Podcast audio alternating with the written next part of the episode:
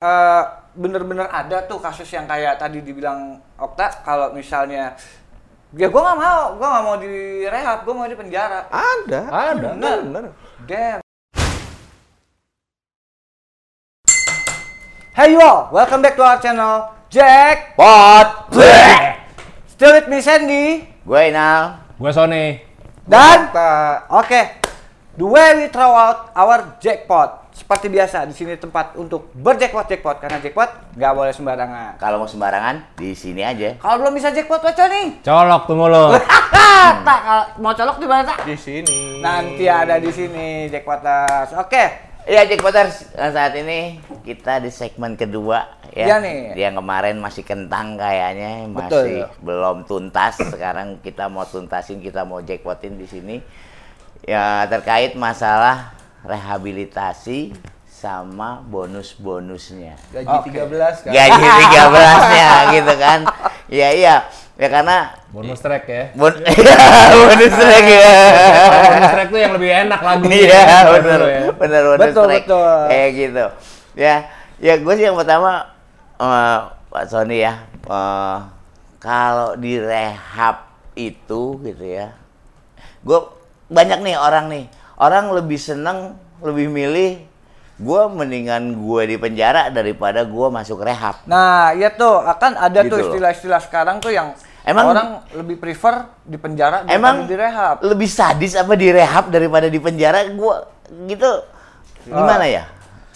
Maksudnya? Nah, itu mungkin karena dulu ya mitos-mitosnya gitu ya kan. Ya gue pernah dengar juga gitu kalau dari teman-teman lama kalau masuk rehab itu digebugin. Hmm. Ya kan? Ada abang abang-abangan gitu ya kan. Ada selnya. Ada selnya. Jadi gitu sama ya aja kan. kayak di penjara juga dong ya, Iya. gitu. Sebenarnya sama yang di penjara itu kayak gimana tuh tempatnya atau Perlakuannya. perlakuannya? Perlakuannya gitu. Oke. Kalau malah gue ngeliatnya kalau yang dulu tempatnya lebih enak. Nah, gitu Ah. ya kan. Ya Enggak kan? masalahnya en mendingan di penjara ataupun di rehab, ya daripada di rehab gitu ya. Ini kan sama nih sama-sama digebukin, sama-sama ada selnya. Misalnya Ah. kan kayak gitu. Ah. Terus lebihnya di penjara apa? Maksudnya? Ya, itu dia mah. Lebihnya apaan? Ya kan? Oh, Apa? oke. Iya kan? Ya lebihnya mungkin karena di penjara masih ada kali, masih bisa make. Mungkin. Nah, kalau gue bilang sih, eh, kalau gue refer ke pengalaman gue sendiri ya, bego aja yang mau masuk penjara, bego, udah itu aja sih. Enggak, iya maksudnya ya kan ini ini banyak masalahnya Ah, ah, ah. gitu ya. Enggak lah, gue mendingan gue mau gue gue daripada gue di rehab gue mendingan jalanin hukuman aja kan kayak gitu. iya sih. Oke, sekarang Mungkin kita karena- tanya pendapat karena- karena Waconi lebih nih. bebas ya kali ya. Kalau di penjara kali ya. Ya lebih bebas, barang Iya. masih ada mungkin ya kan gitu Oh, kan. kalau di rehab kan lu bangun kudu pagi. Ya, Lu rutinitasnya berarti. rutinitasnya, daily schedule-nya kayak Ya. gimana gitu ya kan. Kalau di penjara lu mau bangun jam berapa ya bodo amat ya kan. Tapi sampai sekarang masih ada hal-hal kayak gitu. Hal-hal yang kayak gitu. Sekarang program yang rehab-rehab yang sekarang itu lebih gue ngeliat nggak ada ya. Humanis. Kalau- lebih humanis. Oke, konsepnya jadi lebih manusiawi Iya, nih. lebih manusiawi Oke. ya kan walaupun ya adalah ok gue bilang sih oknum aja gitu ya Oke. kan oknum yang masih suka tapi gue ngeliat kalau buat main kasar tangan fisik gitu Oke. ya itu gue rasa udah nggak ada ya jarang banget udah jarang Saat ini lah ya. Iya, jarang banget gue denger kasusnya kayak gitu.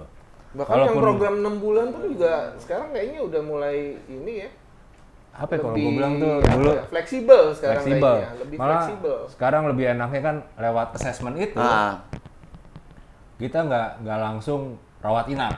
Kita bisa dikasih pilihan nih. Oh ternyata eh, dia Kasih bisa rawat jalan. Oke. kasih pilihannya ini maksudnya ini di ini kasih pilihan nih choice nih ada menu mau mana lu mau rawat jalan apa rawat inap di Iya. awal atau nunggu hasil assessment Nunggu hasil assessment. oh Ya berarti kan? oh ini ini bisa rawatannya misalnya ada kemungkinan Nah, untuk rawat malah dari jalan baru prosesnya dari screening dulu kan tuh sebenarnya udah terlihat gitu kan Gitu, udah oke. terlihat bahwa oh ini ringan nih Hmm. rawat jalan ataupun kalau dia menengah ke, eh, ke berat kita lihat dia nikah udah punya anak Hmm. ya kan dia kerja co- eh, suaminya yang candu misalnya ah. Nah, kalau dia masuk rawat inap 6 bulan atau tiga bulan, berarti harus berhenti kerja dong. Tunggu dulu, terkait masa jangka waktunya itu eh, biar lebih jelas lagi nih jackpotter semua paling lama berapa lama rawatan inap itu?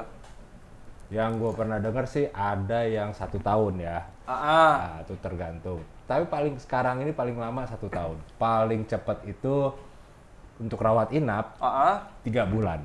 Tiga bulan Tiga ada bulan. lah ya. Jadi ada juga tiga, tiga bulan, jackpotters ada juga yang Enam bulan, enam bulan, ada yang ada yang bulan. setahun. Itu juga mungkin dilihat dari? Progres. Progres ya, Pak ya. Gitu kemajuannya si Itu Heeh. kalau dari assessment tadi, screening assessment tadi itu udah bisa kelihatan tuh jumlah eh, lama rawatannya atau gimana? Udah kita bisa bisa lihat dari dia berapa banyak sih penggunaannya, gitu kan? Berapa lama sih penggunaannya? Seberapa Itu berat permasalahannya Berapa gitu. berat sih permasalahannya, gitu ya kan? Nah, kadang-kadang kan yang timbul itu itu permasalahan yang sekarang. Nah, itu kok konek-konekin nanti kayak misalnya baru makainya sekali udah ketangkap polisi. Nah, iya Oke, kan? oke, oke. Itu apa banget itu. Nah, sekarang ini kalau misalnya kan kalau misalnya tadi eh, misalnya nih ya yang kasus ketangkep polisi gitu ya. Ah. Ketangkep polisi dia kan direhab ya, direhab. Nah, tapi kasus hukumnya nih masih berjalan kan? Atau enggak? Enggak lah. Karena itu langsung rujuk langsung ke rehab. Oh, gitu. Kecuali kalau yang ada masih berjalan juga itu tiba-tiba dari rehab. Ada, ada. Jadi Ada. eh, ada beberapa kasus itu eh, dia harus mele- melewati proses persidangan dulu. Mm-mm. Oke. Jadi setelah putusan persidangan dia divonis eh, satu tahun, misalkan satu tahun hukuman, Mm-mm. Kemudian menjalani proses eh, rehabilitasi enam bulan. Ya. Sisanya akan dipotong masa tahanan. Nah, berarti dipotong masa tahanan, dia ada proses tahanan juga. Hmm. Ada juga yang seperti itu. Jadi dia dimasukkan di rehab dulu enam bulan, setelah enam bulan ditarik, ditarik, Masukin kemudian lagi. dimasukin dulu nih, dimasukin ke rutan lagi Oh, atau gitu. ke lapas. Itu cuman ya kira-kira paling sebulan dua bulan karena dipotong masa tahanan di kepolisian juga kan. Hmm. Iya. Nah, Oke. seperti itu sih. Ada, Jadi ada dari rehab di Bantaran ke tangkap polisi, ma, ma dititipin dulu, dibantarin Iya. dulu ke rehab. Iya. Proses persidangan, dia balik masuk juga ke penjara ke di persidangan di persidangan. itu kan akan diputuskan tuh Ya. nah, ini kamu prosesnya eh, satu tahun Ya, oh, hukumannya. Hukumannya satu tahun Vonisnya satu enam tahun. bulan rehabilitasi di eh, s- di kemudian sisanya dikurangi masa tahanan Ya. gitu misalkan gitu Mhm. nah berarti enam bulan dia direhab sisanya kan masih ada enam bulan nih Ya. Ya. nah enam bulan itu nanti dihitung lagi waktu dia di Oh. tahanan kepolisian Polisian. bantaran itu berapa lama Ya. nah sisanya dia menjalani Oh, nah proses ngejalaninnya ini gitu ya. Duluan di rehabnya dulu, ya kan? Atau- atau di hukum hukumannya dulu. dulu. Eh biasanya ya Biasanya sih, yang ada ya. ada pernah terjadi itu dia jalanin rehab dulu. Oke, jalinin rehab Iya, dulu. rehab jadi dulu. sisanya baru dia ngeja- dia udah Iya. seneng, udah Cuman yang apa sih kalau misalkan eh, putusan sidang itu nggak turun-turun tuh apes. Maksudnya putus Oh, jadi Iya. putusan jaksa Nah, nih gitu. Udah dibantarin di kepolisian tiga, Hmm. tiga bulan, ditaruh di rutan, dititipkan oleh jaksa. Iya. Nah, itu belum sidang-sidang, Iya. udah makin lama kan di situ. Iya, iya, nggak ada keputusan hukum yang tetap masalahnya ya. Iya, yang Iya. kasihan yang seperti itu gitu teman-teman karena apa ya apalagi ya ya maaf maaf ya apalagi teman-teman yang kita dampingi atau klien-klien yang biasa kita temui di lapangan itu kan bukan orang yang notabene-nya berada gitu. Nah, misalnya Proses. gini nih, kan tadi awalnya nih dia masih punya hukuman sisa ya dari yang yang enam bulan di rehab. Pada saat ngejalan kan rehab duluan, rehab duluan ternyata dia ini split atau kabur gitu, misalnya. Nah itu gimana tuh? Eh, itu kemungkinan akan dicari Kita tinggal lapor aja sih Iya. sebenarnya ke Oke. kepolisian dari Iya. uh, treatmentnya kayak gitu. Mm-mm, Emang gue jarang sih nanganin yang kayak gitu. gitu ya. Ah. Rata-rata Nah, udah. Sebenarnya gue kita ngobrol gini ya. Kenapa sih lo harus ketangkep dulu gitu loh?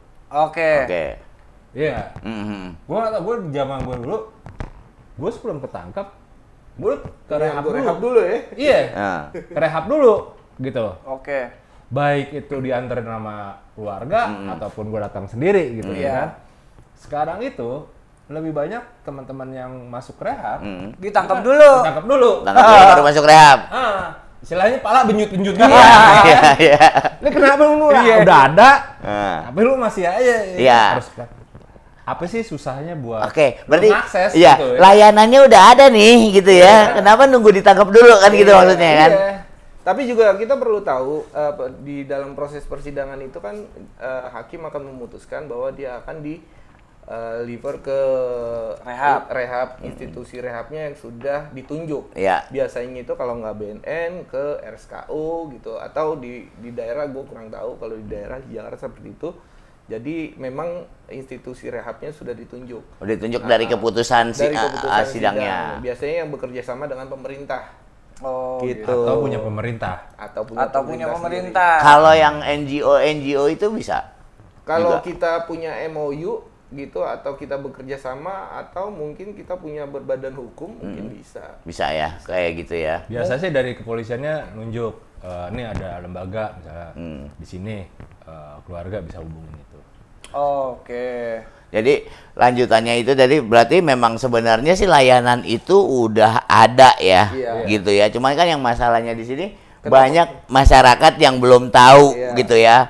Nah ini udah ada, lu bi- kita bisa akses sebenarnya ya. Itu tadi lebih baik sebelum ditangkap Mendingan akses, akses dulu, duluan. akses duluan. Cuman ya mana, ya tadi eh, pertanyaan gua di awal mereka lebih pilih di penjara ya kan Iya. asalnya kan kayak gitu tapi giliran udah ditangkap baru udah teriak-teriak minta direhab Iya. ya kan Dulu kita Kayak juga gitu. pernah pernah ya Karisma juga pernah bantu gitu klien kita diminta sebagai saksi betulan waktu itu. Saksi sebagai?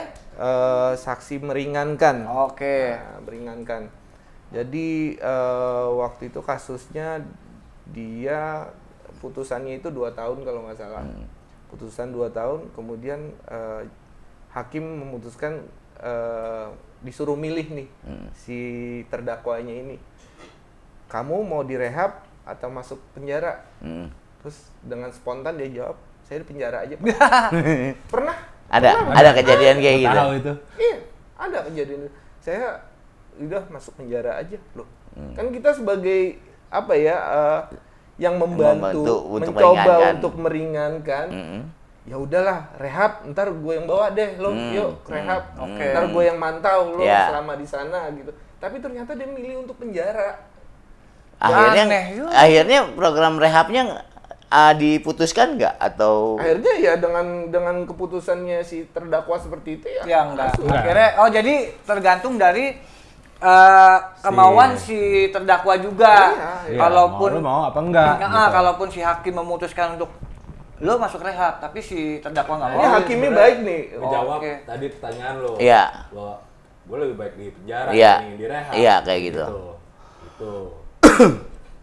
Istilahnya Jadi memang- jadi ketertarikan si para pemakainya ini ya kan dia masih lebih banyak lebih milih milih di penjara gitu Ya kan. mungkin kalau di penjara eh, masih ada lah barang kayak gitu. Tapi buat gue sih ya bego aja sih kalau orang memilih masuk penjara gitu. Ya Juga- namanya juga orang kagak paham, Wak. Iya nggak sih? Nggak mungkin lah, Wak, nggak paham kalau gue bilang sih. Ya mah- dia masalah adiksi? Iya. Mungkin Iya dia mau sih. nyoba-nyoba kali. Bro. Iya. Dia belum pernah gimana sih rasanya. Iya. Kalau lo kan udah. Nggak- norak banget. Mau masuk penjara nggak mau. Iya. Enggak. Halo. Ya testeran dong, testeran. enggak. Gua gua nggak nggak gua nggak bisa ngebayangin gitu ya keluarganya gitu ya yang tiba-tiba ngarepin gimana biar ringan Iya. segala macam tiba-tiba ngomongannya kayak gitu kan akhirnya di luar ekspektasi banyak Banyak orang, iya. banyak pihak, orang iya. gitu loh. Ya, cuman kenyataannya me- memang kayak gini gitu loh kondisinya lebih Lebih ya kayak gitu. ya kan. Leb- Oh ya, balik lagi pilihan. Iya lebih pilih, jadi lebih pilih gue mendingan gue di penjara. Tapi itu yakin bener tuh Waconi dan Okta. Artinya gini, eh, bener-bener ada tuh kasus yang kayak tadi dibilang Okta kalau misalnya ya gue nggak mau, gue nggak mau direhab, gue mau di penjara. Ada. Ada. Bener. bener. Damn. Iba, itu nggak satu dua orang. Iya.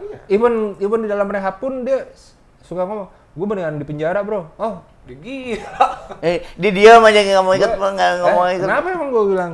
Apa sih yang apa sih sebenarnya yang ditakutin orang di rehab itu gitu? Maksud gua apa sih Iya. momoknya gitu loh yang yang bikin orang prefer penjara selain bahan ada di dalam ya gitu.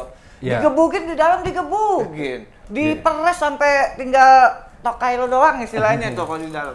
Ya lo sekarang gini, kita di dalam rehab itu Ah. ngapain sih? Oke. Perbaikan perilaku kan Iya. sebenarnya. Betul. Dari kita bangun pagi, Iya. ya kan, terus kita ikut seminar, terus kita konseling, Ah. itu kan semua udah tersusun dengan rapi kan, dan terschedule semuanya gitu, ya kan.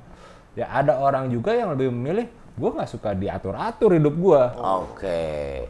Jadi permasalahannya masalah nggak mau diaturnya kan? Iya. Ya padahal ya dia nggak diatur hidupnya dia akhirnya udah belangsak, Iya. ya kan kayak gitu. Mau dicoba dibantu untuk ditata lagi nggak mau kan kayak gitu ya. Akhirnya ujung-ujungnya ya tadi, tadi pilihan. Tapi juga sebenarnya kita juga tidak memungkiri ya, ini permasalahan mitos juga. Artinya gini. Mitos eh, apa nih? Jadi Tentang? enggak gini, eh, artinya kenapa gue bilang soal terkait mitos? Budaya di Indonesia itu kan kental banget nih. Ya. Tentang apa Indonesia. nih? Iya, apa pun. Oh iya iya iya. iya. Agama, Kental mana sama ya kan? kental mana sama kopi? Kopi. Peter mau Iya, iya. Nah, budaya kita ini kental. Iya. gitu loh. Oke. Jadi apa-apa misalkan kita, misalkan contoh ya waktu gua kecil kan selalu ditakut-takutin. Ah. Maghrib nih pulang ntar culik genderuwo lo. Iya, momok- momok nah, gitu lah ya. Sampai sekarang sampai gua tua begini, Maghrib belum pulang ke rumah deh. Maghrib nggak pulang, pulangnya siang. Iya. Lanjut terus. terngiang gitu loh, masih terngiang Iya. kadang-kadang seperti itu maghrib pulang, maghrib pulang. Oh, maghrib nih gue masih di jalan. Terus Iya, kok iya, korelasinya masih jalan. yang sama mitos ini eh sama Nah. itu korelasinya? Eh, ini kan kita ngomongin namanya makhluk manusia. Manusia itu kan bersosialisasi Iya. dan pasti si pecandu ini kan punya temen, Iya. ya kan? Gua nggak tahu temennya pernah mengalami di rehab atau tidak. Dia mungkin pernah cerita, Hmm. gitu. Oh, lu jangan Dengar-dengar, dengar-dengar Nah, kan gitu. Dengar dengar dengar cerita nyampe ke dia gitu. Itu "Ah, pernah tuh enggak, ada- ada cerita begini-gini gitu. Itu pernah ada surveinya tuh kita. Oh, pernah jadi disurvei juga sampai, tuh? oh, ada survei juga, Wak. Iya. Mantap. Jadi waktu itu kita ada program namanya PABM Oke. Oke. untuk kerjasama sama KPAN waktu P- itu. ya. PABM itu kalau gua nggak salah program adiksi berbasis masyarakat. Oke, berbasis Pemulihan- masyarakat. Masyarakat Pem- lah. Pemulihan adiksi berbasis Oh, masyarakat. pem- pemulihan bukan program ya? Iya. Pemulihan. Oke, oke, oke. Nah itu memang kita eh, lihat dari beberapa aspeknya waktu itu kan. Eh, kenapa sih lo pilih rehab? Eh, kenapa orang nggak mau ngakses rehab gitu ya? kan? Ah, ah. Dia bilang masalah Agak kenceng dikit, Pak. itu dia bilang apa? Ah kalau di rehab gue nggak enak gitu Ah. kan. Terus bayar mahal. Hmm. Nah makanya kan kalau PABM Greton Ya, ya kan, Greton jawab, Pro- ya kan? Iya. Nah, terus juga katanya nih kalau di rehab, eh gue digini-giniin bang. Hmm. Terus gue nanya, lu pernah masuk rehab? Belum bang. Oh, jadi ini terkait yang mitos yang Okta Iya. ceritain tadi. iya, ya? sebenarnya Oke. itu korelasi juga gitu Iya. ya kan. Biayanya emang mahal. Cuman kalau gue pikir lagi gitu ya kan, gue pengen nanya, bro, lau Pako tiap hari ngabisin duit brokap ya Iya, kan? iya, betul. Ya kan, biaya rehab berapa? Terus Ketahuan, ketahuan umurnya kan. Lah, lagi juga, lagi juga di dalam emang lu nggak ngerasin digendok apa? Lu dipers, aduh bener-bener dah kayak Iya kan? gitu. Kayak lu pakau tiap hari berapa ya? Iya. Iya betul. Iya kan? Minimal lima puluh ribu, minimal dulu ya kan. Iya. Kalau gua nggak tahu sekarang ya kan, Heeh. kali 30 hari. Buset. Itu Iya. minimal tuh. Iya Juta kan? Setengah. Hah? Juta setengah. Sudah setengah. Belum biaya Rokok. rokok, Makan, belum minum. makan, belum biaya stres nyokap lo, Iya. bokap lo. Kalau mereka harus ke psikiater, itu berapa? Iya sih, betul juga. Iya kan? Biaya- Lebih lah daripada 5 juta. Biaya Eh, hilang, lah. biaya hilang barang. Iya. Biaya ganti tabung gas. itu rumah udah kayak lapangan bola. Enggak bener gitu. Lega banget tuh mah kasur ya kagak ada. Terus lagi kalau lu dapat bonus. Nah, Oke, bonusnya kayak apa tuh, Tak? Nah, eh, sebenarnya kan kita kalau ngomongin masalah kecanduan khusus pengguna heroin itu pasti ada permasalahan eh, penggunaan dengan jarum suntik. Ya. Nah, Eh. kita tahu udah kalau dampak dari penggunaan jarum suntik itu paling besarnya Oh, adalah HIV.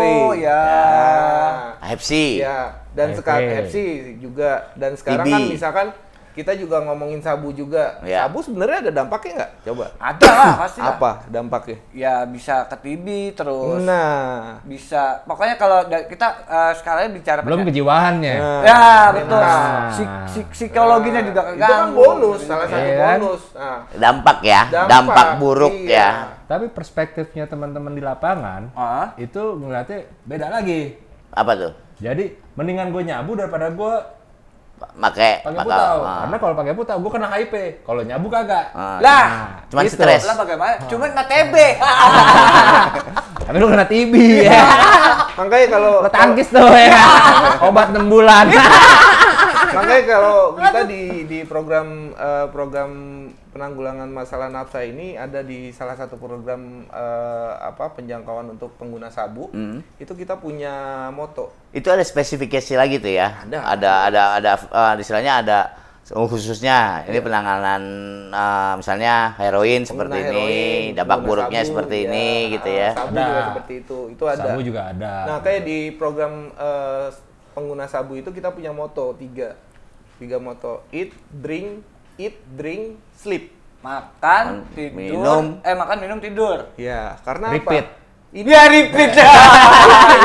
Dia nggak ngapa-ngapain. Masa nggak gue Iya, repeat, ya kan? Karena apa? ya ini sebagai pesan juga sih buat teman-teman pengguna sabu. Oke. Gue yakin, lu lu pakai sabu, lu pasti nggak makan.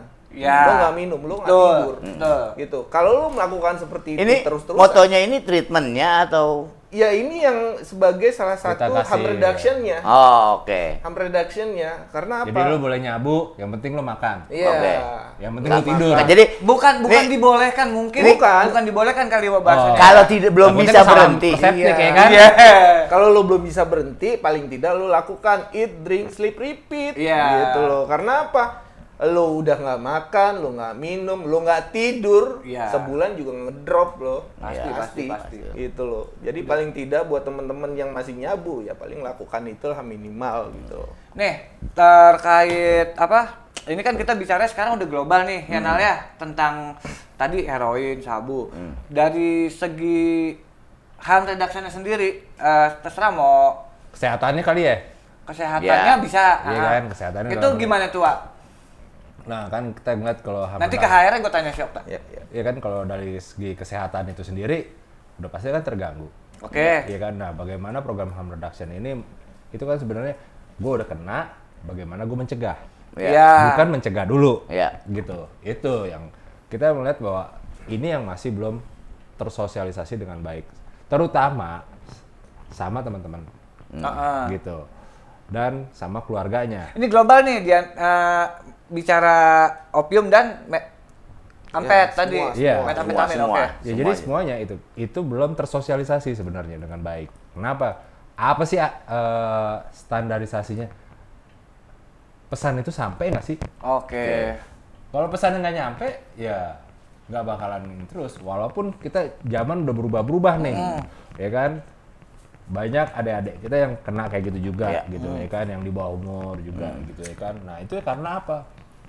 Informasi yang diberikan itu tidak sampai ke masyarakat. Sebenarnya udah disampaikan atau mereka yang enggak apa sih? Ya, kalau dibilang udah disampaikan sekarang kita seberapa sering sih dengerin iklan Iklan layanan? ya Nal, ya. Iklan Iya, layanan iya. masyarakat itu nggak kayak dulu kan? Coba, mana iklan layanan yang terkait masalah itu? Nggak, paling yang sering dilihat misalnya paling kayak pamflet-pamflet ya kan paling apa perangi Seno Tudrak. narkoba ya kayak gitu Apa Seno namanya? Tudrak. Nal? Be- banner. Ah, be- apa? ya be- Oh, be- apa membaleho Ya, kayak gitu kan kayak gitu itu cuman Seno to drug ya kan war to drug ya kan perangi Sebenarnya narkoba ini perangi ada- sama siapa gitu loh Finalnya ada apa sih yang waktu terkait pertanyaan lu dulu tentang banner tuh nah. Nah, itu bisa lu tanyain juga tuh. Nah, tingkat nah, iya. keefektifannya sebenarnya. Nah, itu dia Tingkat masalahnya. keefektifan. Gue pernah eh, kebetulan gue di analisis data gitu juga ya. Ya. Oke. Melihat eh, marketing. Nah, sebenarnya dari banner sama media yang lain itu lebih ampuh yang mana sih? Hmm. Media sosial. Ya. Iya sih, sekarang apalagi zamannya udah internet ya, Wak. Iya ya. kan? Heeh. Seberapa banyak orang pakai Android? Setiap detik itu ada ya 12 untuk untuk juta. medianya ya Iya. Itu based on data yang lu ini Iya. ya. 12 juta orang setiap detik itu pakai buka yang namanya Smartphone. smartphone. Smart device lah ya. Nah, di situ sebenarnya kan peluang buat memberikan Sosialisasi. edukasi, edukasi itu, gitu. Tinggal si apa si penerimanya ini mau dimasukin apa enggak nih nah ya enggak? Gak hanya itu aja, dari peran pemerintahnya juga, lo mau nggak sih Spend. Spend buat lu ngeblas aja, ngeblas. Apa sih susahnya lu? Enggak, kadang gitu gini, doang? kalau masalah ini ya, kalau gua sendiri, gua sih ngerasainnya gini loh. Maksudnya, kita kalau cuma disuguhin kayak say no to drug kayak gitu, kayaknya nggak dilihat. Buat gue sendiri ya udah, cuman ya gitu loh. Nggak ada, apa ya, istilahnya feel-nya tuh nggak dapet. gitu loh. Komunikasinya. Ya, bahasa Jadi komunikasinya. yang Bahasa lu maksud- komunikasinya yang nggak Sampai. Nggak sampai dan nggak tepat. Ya. Jadi gini nih, nah kalau gue lihat maksudnya Sinal nih ya masang pamflet ya pasang aja gitu nah ya cuma Iya, Pak, bacaan pasang. doang Cuman kan gitu, orang mau mau dia lewat, dia lihat juga nggak ada apa ya interestnya, Iya. gregetnya, maksudnya gitu loh. Itu gue gue sendiri gue ngalamin. Ya ini apa sih? Iya kan? Iya. Ini kalau dari bahasa, ingat nggak lo? Makan narkoba sama dengan mati. iya. Ya. Kan Prestasi gambarnya atau mati? mati. Iya. Banyak banget ya kan? Iya. Iya. Ya, ya, sekarang kalau gue gue kalau gue dihadapin gitu ya, mana narkoba atau mati. Gue daripada mati, gue mendingan narkoba kan gitu. Iya. You know? Iya, iya. Karena jadi orang salah perspektif. Iya, Iya. betul itu, Wak. Jadi terkait yang si Waconi tadi bilang, nah eh, kalau gue tangkap sih artinya Ke sana nggak sampai. iya Iya. yang kalau melalui banner tok itu, nah ya kan. Ya makanya fungsi kita sebagai eh, apa ya eh, pendamping di masyarakat, Ah. eh, makanya kita punya pilihan nih. Pilihan itu adalah salah satunya tadi rehab. Ya. Kemudian ada kalau lo masih belum mau rehab, Penjara bukan pilihan bukan sebenarnya. pilihan. Aneh sih itu. Iya. Itu kan ada rehab pilihannya. Kemudian kalau lo belum bisa masuk ke rehab, ada program harm reduction. Oke. Nah. Nah, gue mau tanya terkait harm reduction nih. Kalau dulu nih, Waconi, Okta, Ki, itu yang gue tahu itu kan dulu ada pembagian eh, yang buat penasun ya. KIE, ya. Ah, ah, itu eh, suntikan gratis untuk mencegah penularan, Penularan HIV. penyakitnya itu. Ya, kondom ya. Ah, ah, ya kondom kayak gitu-gitu. Ah, kalau terkait di apa pemakaian metamfetamin sendiri gimana? Sama, sebenarnya eh, prosesnya sih sama. Ah, ah. Eh, cuman kita masalahnya kan eh, kalau misalkan kita pembagian kayak kayak jarum suntik, kondom itu kan sudah ada ada apa namanya eh, unsur hukumnya. Oke. Gitu di Permenkes 55 tahun 2015 Ah. bahwa tapi itu harus dilakukan oleh eh, relawan kesehatan. Ya. Nah, salah satunya ya kita gitu. Tapi kita nggak sembarangan juga punya jarum suntik, kita beli sendiri jarum suntik Iya. terus kita bagi-bagikan enggak. Ya. Kita prosesnya adalah eh, kita kerjasama dengan salah satu instansi kesehatan, misalkan dinas kesehatan atau layanan kesehatan, puskesmas gitu yang punya program harm reduction. Itu kita minta ke layanan kesehatan itu masih ada nggak jarum suntik atau kondom yang bisa kita bantu untuk sebarkan ke teman-teman Oke. gitu. Jadi bukan dari kita sebenarnya. Iya, iya. Ini ini sudah dia ada di layanan, Iya. di layanan itu ada dan layanan akan Dan itu juga ju, eh, apa maksudnya sirkulasi eh, keluar keluar masuknya barang terdata, itu juga iya, terdata benar, kan. Benar, terdata Dan, dan dan ber- juga catat. harus eh, terscreening dengan baik. Iya. Artinya yang di screening? Dalam arti gini, kita lihat ini orang beresiko apa tidak. Oh, Kalau tidak beresiko, ngapain kita kasih? Iya, iya, Oke, iya, ya iya, karena iya, iya. karena ada persepsi juga masalahnya. Itu mah bukannya malah bukan untuk pencegahan, malah ngasih jalan kan gitu. Oh, lo jadi ngedukung Nah, kayak gitu. Gini, gini. seks gitu. Iya. Ya, satu kayak Nah, kondom nih, kan nah, kayak ini, gitu. uh, menarik nih, perlu dijelasin juga Jadi tuh nah gini, gimana? Nah, analoginya sih seperti ini. ah, Kalau kita naik motor atau kita bawa mobil, itu kan nggak bisa menghindari bahwa ya namanya orang apes pasti tabrakan. Ya, Ya kan? Nah, tapi untuk menghindari tabrakan. bukan tabrakan, menghindari Kecelakaan. kematian. Oke. Hmm. Tabrakan namanya udah Resiko. parah, resikonya adalah kematian kan. Iya. Menghindari dari kematian itu kalau kita seat belt. berkendara seat belt. Analogi harm, harm reduction itu itu pakai seat belt. Atau nggak pakai helm. Nah, Bu- Ya. Berarti bukan artinya untuk ini lu pada pakai nih gue bagi bagi. Bukan. Bukan. Jadi bukan gitu Jack Potters. Oke. Jadi analoginya juga kita pakai helm, naiknya mikrolet. nah, Nah, kagak nyambung. Kalau gua itu nyambung paling paling buat ini pas dibuka hah numpang ya kan gitu.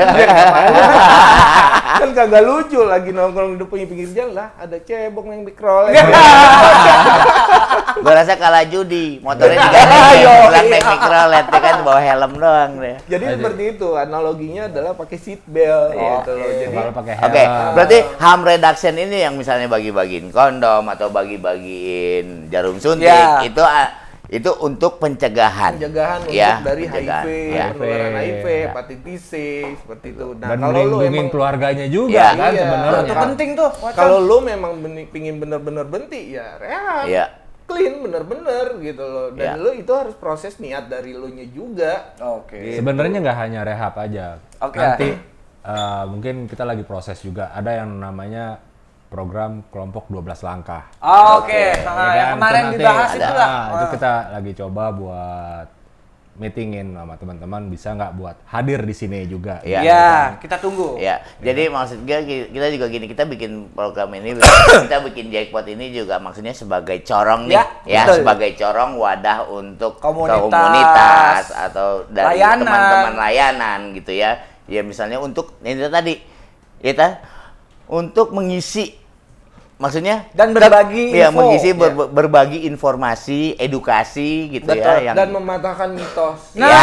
itu sih yang penting nah. Itu Kayak gua gitu. setuju tuh. itu jadi kalau ada teman-teman juga misalnya mau nih punya ide atau apa saran untuk istilahnya ngebantu gitu ya program dari Ya. dari layanan kenapa enggak ayo nggak apa-apa Sebenarnya Kita nggak join. cuma rehab doang, banyak mitos ya. Tapi terkait dengan penyakit HIV pun juga Iya. banyak mitos ya. Nah, yang katanya. Nah. orang-orang HIV itu nggak boleh, nggak bisa punya anak. Nah, Oke. ini menarik. Orang HIV nggak boleh merit, gitu, Ya. nggak bisa merit, itu salah semua sebenarnya. Itu eh, jadi gimana tuh Wacan kalau untuk eh, terkait mitos tersebut gimana Wacan menanggapinya? Ya sebenarnya karena kurangnya balik lagi, kurangnya pemahaman. Informasi tadi ya. Dia dia iya. nggak mau nanya juga. Nggak mau nanya, Cuman takut juga. katanya katanya. Katanya ya kan, ah serem ya Ah. kan satu penyakit momok yang serem gitu. Momok ya ya, kan. kutukan katanya. Padahal ada yang lagi yang sekarang lebih serem ya kan? Nah, penyakit yang sekarang lagi jadi pandemik ya gak sih? iya nggak punya duit Iya. lebih serem nggak Serem, serem. dia iya. enggak nggak punya duit nggak punya duit Itu Gila. pandemik kiri tuh. ah. ngeri loh nggak punya Ultraman aja ngelengos. Ultraman gue. iya Gak jadi dia. iya iya Ada lagi. Enggak, kalau COVID masih oke lah. Sekarang udah ada vaksinnya ya kan? Iya. Ya kan masih ah, oke. Lu ada vaksinnya kan, lu nggak kena COVID, lu nggak punya duit, lu pusing lu. Nah, terkait tadi COVID ada vaksinnya, Wak. Kalau untuk HIV sendiri gimana, Wak? Kalau ya itu juga kayak kenapa teman-teman yang lo udah tahu status lo nih, Mm. lo telat banget buat yang namanya ngakses Oke. gitu loh. Itu ada momok-momok lagi tuh dia tuh ya kan, ah katanya obatnya ntar kayak begini-begini ya. Wah itu Oke. kan yang Oh, yang kemarin dijelasin di sesi sebelumnya sama Okta. Iya. Ya. Jadi Baik. sebenarnya ada masa-masa pilihannya gini. Saat kita ingin eh, tes HIV, itu kan ada proses namanya eh, VCT, Voluntary Counseling and Test. Ah, Oke. Nah, proses di VCT itu kita diberikan informasi dulu nih. Pertama, bagaimana kesiapan dia saat menerima hasil nanti segala macam. Nah, setelah dia terima hasil, kita bahas nih tindak lanjutnya seperti apa. Diharapkan setelah dia tahu status dia HIV itu langsung pengobatan. Gitu, Oh. pengobatan. Tapi yang ada ya malah stres kali ya kan? Kebanyakan memang karena apa? Kenapa mereka kebanyakan stres? Karena proses konseling di awalnya itu memang belum didalami, tidak terlalu Belum. mendalam gitu loh. Istilahnya kalau lo landing tuh pesawat tuh nggak sampai smooth. Nah, gitu kan. makanya- Pilotnya baru. Pilotnya baru. Makanya di proses konseling awal itu memang harus semuanya dipersiapkan. Dia dipersiapkan untuk penerimaan nanti hasil apa pun hasilnya, bagaimana kesiapan dia. Bagaimana cara eh, ng- ngatasin ya? Iya, misalnya? bagaimana mengatasinya seperti itu. Dan kalau lu sudah masuk ke ARV atau pengobatan yang antiretroviral untuk teman-teman yang HIV, itu udah aman, lu masih bisa merit, lu masih pu- bisa punya anak. Nah, dibandingkan lu nggak minum obat sama sekali. Paling jangka Nah. waktu yang bisa lo jalanin maksimal ya, yang kejadian sekarang itu maksimal paling lama sesehat-sehatnya lu cuma 10 tahun. Oh, Oke. Nah Gitu itu dia balik lagi. Nah dia tuh kalau gue lebih prefer kalau ada permasalahan seperti itu gue untuk refer dia ke medis, ke dokternya. oke. Lo konsultasi deh sama dokter, Iya. lo konsultasi ke dokter daripada lo dengerin ke gua gitu Oke. kan. Tapi kan eh, sebagian tugas lu juga mengkonsultasikan kan? Iya, dulu mengedukasi, nge-refer, ah, mengedukasi. ya. Gue mau motivasinya aja itu. Oke, oke. Bagaimana dia ngadep buat ke dokter. Dokter. Itu. Nah, Pak, Terakhir, mm, nih ya ada terakhir maksud Gitu. gua apa sih ini pesan-pesan buat temen-temen nih gitu kan kadang juga misalnya eh, kita akses layanan udah ada Ya. apa pun gitu ya baik dari penanganannya dari penanggulangannya gitu ya sebenarnya udah ada gitu ya nah pesan-pesannya buat temen-temen nih yang belum tahu ataupun yang sudah tahu tapi masih ragu-ragu Ragu. untuk mengakses itu apa Dari Waconi dulu atau Ya, dari Okta ya. terserah. Sony dulu kali yang dari Boleh. masalah adiksi yang masih ber, ber Ah, lu Ya. mau nyontek lo ya. tinggal tinggal template ganti doang ya kan Iya, iya. Baca. Kayak koran. Ya lanjut, Tak. Apa Ya. nih pesan-pesannya? Pesan-pesan gue sih satu, sebelum lu daripada lu ketangkep dengan permasalahan hukum, better lu akses layanan rehabilitasi. Adiksi itu masalah penyakit otak Yes. gitu. Dan semua orang bisa mengakses gitu. Masalah biaya itu cost-nya lebih murah sebenarnya. Berarti Benar, bukan artinya gratis gratis tes enggak gitu. gratis tis bisa aja Bisa ya, diakses oke, itu. oke. Tinggal ke instansi pemerintahnya aja. Bisa kok itu semua. jadi akses sebelum terlambat Yes. Kalau Ya. dari Okta sendiri? Nah, kalau dari gua eh, karena gua bergerak di eh, program HAM Reduction, gue cuman pingin kasih pesan buat teman-teman kalau teman-teman memang merasa punya resiko, risiko entah itu eh, terkait penggunaan, baik itu ya lonjot-jotan sembarangan, Oke, gitu kan, lo nggak pakai iya free ya. sex, itu kan Iya. resiko gitu loh. Nah, paling tidak ya lo periksa diri lah karena kesehatan itu penting banget gitu loh penting banget artinya lebih baik lo periksa dari sekarang daripada nanti terlambat waktu lo cuma Oke. 10 tahun berarti sama ya Sama. dua-duanya Jangan lebih bilang baik gini, jangan bilang nggak kayak gini lagi. Resiko ditanggung penumpang. Coba tahu banget. ya oke kan? Resiko oke ditanggung penumpang berarti, kan Pak. berarti eh, apa gua gua kita rap ya Ya, ya oke. kita layanan udah ada Betul. ya layanan udah ada sudah tersedia tinggal kita mau, Mau mengakses nih? atau Ah, tidak kayak iya. gitu jadi kita cari cari informasinya jangan terlambat Iya. untuk mengakses daripada kebablasan Oke, satu lagi yang terkait pertanyaan lu di awal. Aneh buat gue sih kalau orang lebih milih masuk penjara daripada rehab. Itu asli. Bodoh lah lau bener. Kayak Oke. gitu. Ya. Sampai di sini tetap Siap. pantengin terus. Jack. Bot! Weh.